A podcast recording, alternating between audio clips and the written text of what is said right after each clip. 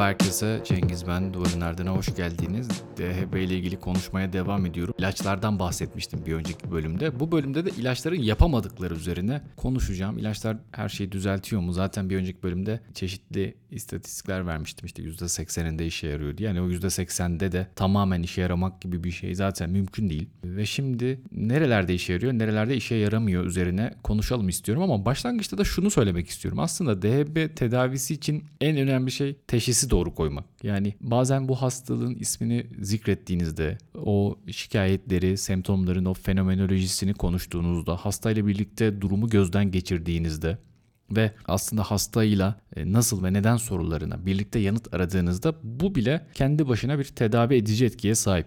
O yüzden hani ilaçlara varmadan önce bu da önemli bir şey bence. Çünkü nihayetinde bizim için amaç hastanın daha iyi bir yaşama sahip olması ve bazen yaşadığı problemleri, sıkıntıları adlandırabilmesi, durumu anlayabilmesi, kavraması da daha iyi bir yaşama giderken önemli bir adım. Bunun yanında tabii ki hayatını, ilişkilerini, iş yaşamını ve bunlarla ilgili bazı düzenlemeleri gözden geçirmek, organizasyon konusunda plan yapmak, zaman kullanımı üzerine çalışmak ve pek çok başlık var aslında üzerine çalışılabilecek. Bunların her biri kendi içinde önemli. Evet ilaçların bazı etkileri olduğundan bahsettik ama ilaçlar bazı şeyleri e, ne yazık ki yapamıyorlar. Bu aslında ilaçların etkisizliğiyle alakalı değil, insan olmakla alakalı bir şey. Hayatta bazı şeyler ilaçla aslında çok da böyle ortadan kaldırılamıyor. Yani bunlardan bir tanesi refleksif düşünme, yansıtıcı düşünme diye de çevrilebilir ama tam karşılığı yok. Yani bu felsefede de olan bir kavram. Kişinin aslında kendisi üzerine düşünebilmesi.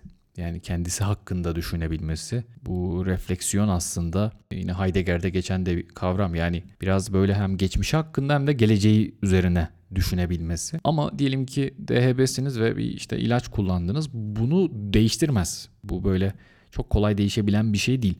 İlaç tedavisi evet bazı dürtüsel davranışları azaltsa bile e, refleksif düşünmeyi size öğretmez. Bazı durumlar hızlı karar vermek için tüm çabanın tek bir çözüme yönlendirdiği yakınsak düşünme olarak bilinen şey gerektirir. Yani aslında bazen de hani bunun bir avantajı var. Yani şimdi ıraksak düşünme, yakınsak düşünme, refleksif düşünme üzerine konuşuyoruz ama DHB işte daha dürtüsel, daha böyle hızlı, ani karar veren bir insan profili belki bize çizdiriyor ama bazı durumlarda da bu gerekiyor. DHB'li olan kişiler bazen hızlı karar vermek konusunda çok başarılıdır. Örneğin şöyle bir şey size getireyim. E, radyo dinliyorsunuz ve en sevdiğiniz grubun yaklaşan konseriyle ilgili sınırlı sayıda bilet olduğunu duyuyorsunuz ve çok hızlı bir şekilde böyle ani bir kararla işi gücü bırakıp hemen o bileti satın alıyorsunuz. Böyle işte internetten giriyorsunuz çok hızlı o bilgileri giriyorsunuz kart bilgilerinizi giriyorsunuz ve hemen işte güzel ön koltuktan bir yer alıyorsunuz. Baktığınızda hani çevrenizdekiler bu yaptığınızı böyle dürtüsel de görmüş olabilir. Ama bir, bir anlamda da bu hızlı hareket sayesinde işte siz o konserin en iyi biletlerine sahipsiniz, en iyi koltuklara sahipsiniz. Bazen de böyle oluyor. Bazen tabii bu bu tarz hızlı eylemler daha az etkileyici sonuçlara da yol açabiliyor. Biraz böyle farklı ne yazık ki sonuçlar da olabiliyor. Ee, işte diyelim ki bir adam sahibinden.com'a giriyor. Çok hızlı bir arabayı beğeniyor. Hemen gidiyor onu alıyor. Parasını ödüyor. Ve kendince çok başarılı bir yatırım olduğunu düşünüyor. Ama sonra geliyor bakıyor ki arabanın çok ciddi bir hasar kaydı var. Hani ne deniyor? O tremer kaydı. Öyle bir şey. Araba takla atmış muhtemelen çevrenizdeki insanlar size şunu diyecek. Yani hiç kimseye sormadın. Gittin hemen tek başına bir e, karar aldın. Çok hızlıca sonuca gittin ve işte ya olursa diye düşündün ama pek fazla hesap kitap yapmadın, üzerine çok düşünmedin, ihtiyatlı davranmadın diyecekler size ve siz de belki buna itiraz edeceksiniz. Yani diyeceksiniz ki ya düşünseydim işte araba gidebilirdi, başkası satın alabilirdi, elime bir daha böyle fırsat geçmezdi. Ama genel resme baktığımızda ilaçlar mesela bu dürtüsel davranışları yavaşlatabilir Evet ancak işte bu reflektif düşünmeyi ya da biraz daha ıraksak düşünmeyi yani olaya biraz daha uzaktan bakmayı size tam anlamıyla öğretmez ya da problem çözmeyi size öğretmez. Yani bu açılardan aslında biraz da böyle olaya farklı bir yerden bakmak için bunları size anlatıyorum. Bir diğer nokta evet ilaçlar dikkati artırıyor, dikkat süresini uzatıyor. Bununla ilgili pek çok çalışma var. Ama ilaçlar size şunu öğretmez. Dikkatinizi nereye odaklayacağınızı ve nasıl kontrol edeceğinizi öğretmez neye dikkat edeceğini bilmek dikkat etmek kadar önemli. Yani o yüzden aslında bunun altını çiziyorum. İlaç kullanan DHB'li bireyler evet daha uzun süre konsantre olabilir, dikkatini sürdürebilir. Ancak dikkatlerini neye odaklayacaklarını veya dikkatlerini ne zaman ve nasıl değiştireceklerini otomatik olarak bilemezler. Ben de bir hasta ilacı reçete ettiğimde, tedavi planı yaptığımda bunu anlatıyorum. Yani böyle bir tehlikesi var. Yani dikkati arttırabilir, dikkat sürenizi, konsantrasyonunuzu arttırabilir ama o yaptığınız şeyin bir faydası yoksa bu size nasıl diyeyim zarar olarak da dönebilir. Yani gittiniz ilaçları aldınız ve sosyal medyada vakit geçiriyorsunuz ve bu kez saatlerce sosyal medyada vakit geçirebilirsiniz. Yani oradaki her detay dikkatinizi çekebilir ve ilaç size şunu demez. Yani sen ilaç aldın dikkatini faydalı işlere vereceksin. Bu tarz işlerden uzak duracaksın demez. İlaç tedavisi alsalar bile pek çok DHB'li öğrencinin sosyal durumlarda veya geçiş dönemlerinde sorun yaşamaya devam etmesinin ana nedeni de budur zaten. Çoğu durumu karmaşık hale getiren şey dikkatle dinleyebilmelerine ve neler olup bittiğini daha iyi gözlemleyebilmelerine rağmen birçok DHB'li gencin vücut dilinin sunduğu ipuçlarını ve başkalarının hızla fark ettiği ses tonundaki değişiklikleri fark edememesidir. Yani ilaçlar sosyal anlamda da söylüyorum bunu. İlaçlar bireylere bir durumun dikkat gerektiren unsurlarını öğretmez. Dikkatini arttırabilir ama neye dikkat etmesi gerektiğini öğretmez. Bu biraz daha belki erken çocuklukta kazanılabilen şeylerden bir tanesi. Ama bu şu açıdan önemli. Yani bunun farkında olmak iyidir. Yani ilacı alıp Aa ben ilacı aldım artık bundan sonra ilaç beni işte e, Süpermen'e dönüştürecek ve ben artık tamamen başarılı olacağım. Sadece işimde, okulumda, eğitimimde olacağım diye bir şey yok.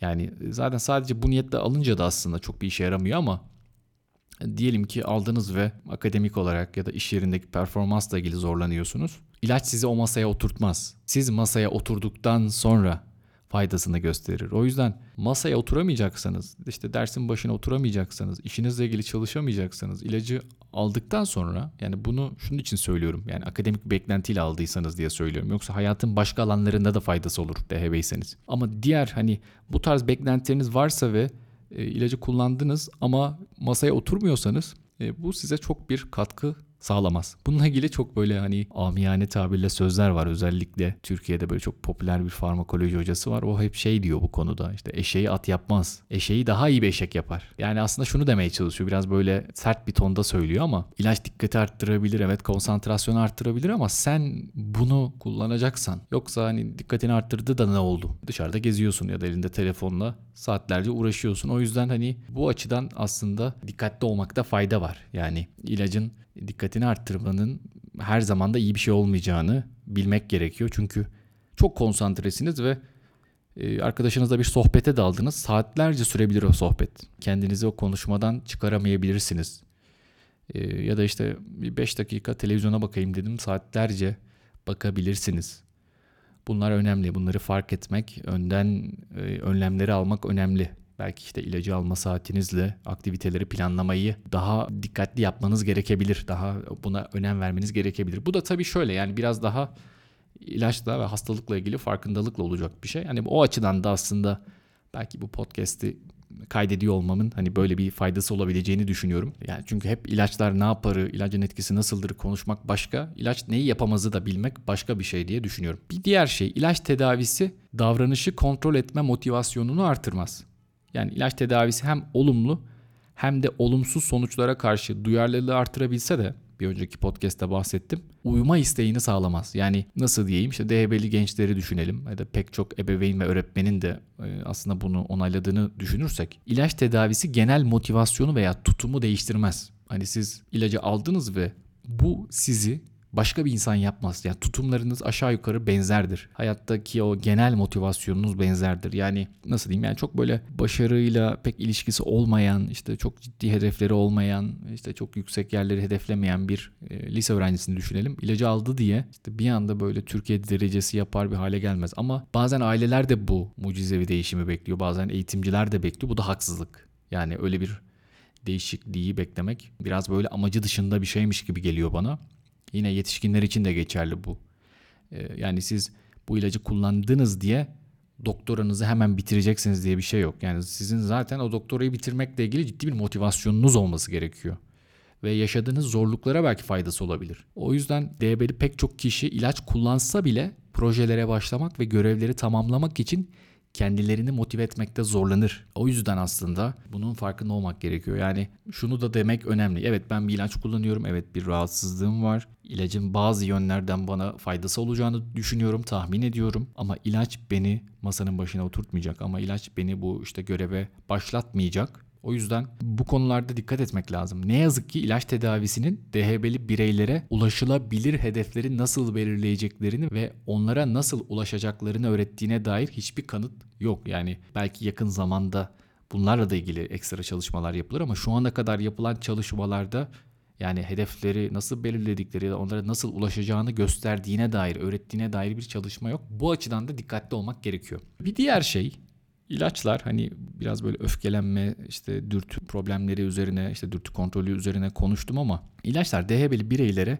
öfkeyi nasıl kontrol edeceklerini de öğretmez. Şimdi DHB'li birçok genç ve yetişkin hayal kırıklığı ve öfkeyle başa çıkmakta zorlanır. Şimdi DHB'de çok fazla hayal kırıklığı oluyor. Sahiden e, insanlar kendilerini hayal kırıklığına uğratabiliyor. İşte ailelerini, çevresini, eğitim alıyorlarsa işte öğretmenlerini ve bununla başa çıkmakta zorlanıyorlar. Bu durum özellikle endişe vericidir. Çünkü öfke kontrolü ve saldırganlık kontrolü DHB'nin gelecekteki sorunlarının habercisi de olabilir. İşte bir iş yerinden atılmak, okuldan atılmak bazen ya da bir ilişkinin sonlanması, e, hayatı sürdürememek ya da adli bir olaya karışmak gibi pek çok şey karşısına çıkabilir bu bireylerin ve e, burada evet bir miktar öfkeyi belki kontrol etmenize yardımcı olabilir ama tamamen hani öfkeyle nasıl baş edeceğinizi size öğretmez. İlaç tedavisi belki evet bireyin hayal kırıklığını biraz azaltabilir ve dürtü kontrolünü geliştirebilir ancak ona öfke veya diğer duygularla nasıl başa çıkacağını öğretmez. Öfke önemli bir mesele. Ee, bunu e, aslında e, belki ayrı bir bölüm de yapabilirim. Yani öfke sadece DHB'li bireyler için değil herhangi bir insan için de öfke önemli. Öfke ile ilgili söylenen literatürde hep şudur. Öfke bir canavara benzer. Yani öfke ortaya çıktıktan sonra kontrol edebileceğiniz bir şey değildir. Öfke ancak ortaya çıkmadan kontrol edilebilir. O yüzden öfkeyi böyle kontrol edebilmek diye bir şey pek de yok. En iyisi öfkenin hiç ortaya çıkmaması. Hani bu da nasıl geliyor kulağa bilmiyorum ama bütün aslında o işte Stoa felsefesinde falan da böyle bir yerden öfkeyi ele alıyorlar. Zaten özellikle bu kabul ve kararlılık, şefkat terapisi gibi ekoller de öfkeyi böyle ikincil bir duygu olarak ele alıyor. Yani öfke hiçbir zaman kendi başına var olmaz. Tek başına ortaya çıkmaz. Hep altında bir şey vardır. Başka duygular, başka yaşantılar vardır. İşte kıskançlık vardır, kaygı vardır, utanç vardır, suçluluk vardır. Belki işte bu DHB'li bireyler için konuşursak bir hayal kırıklığı vardır. Yani o yüzden hani öfke ortaya çıktığında zaten kontrol etmesi çok zor ama siz belki öfkenin habercilerini daha önceden fark ederseniz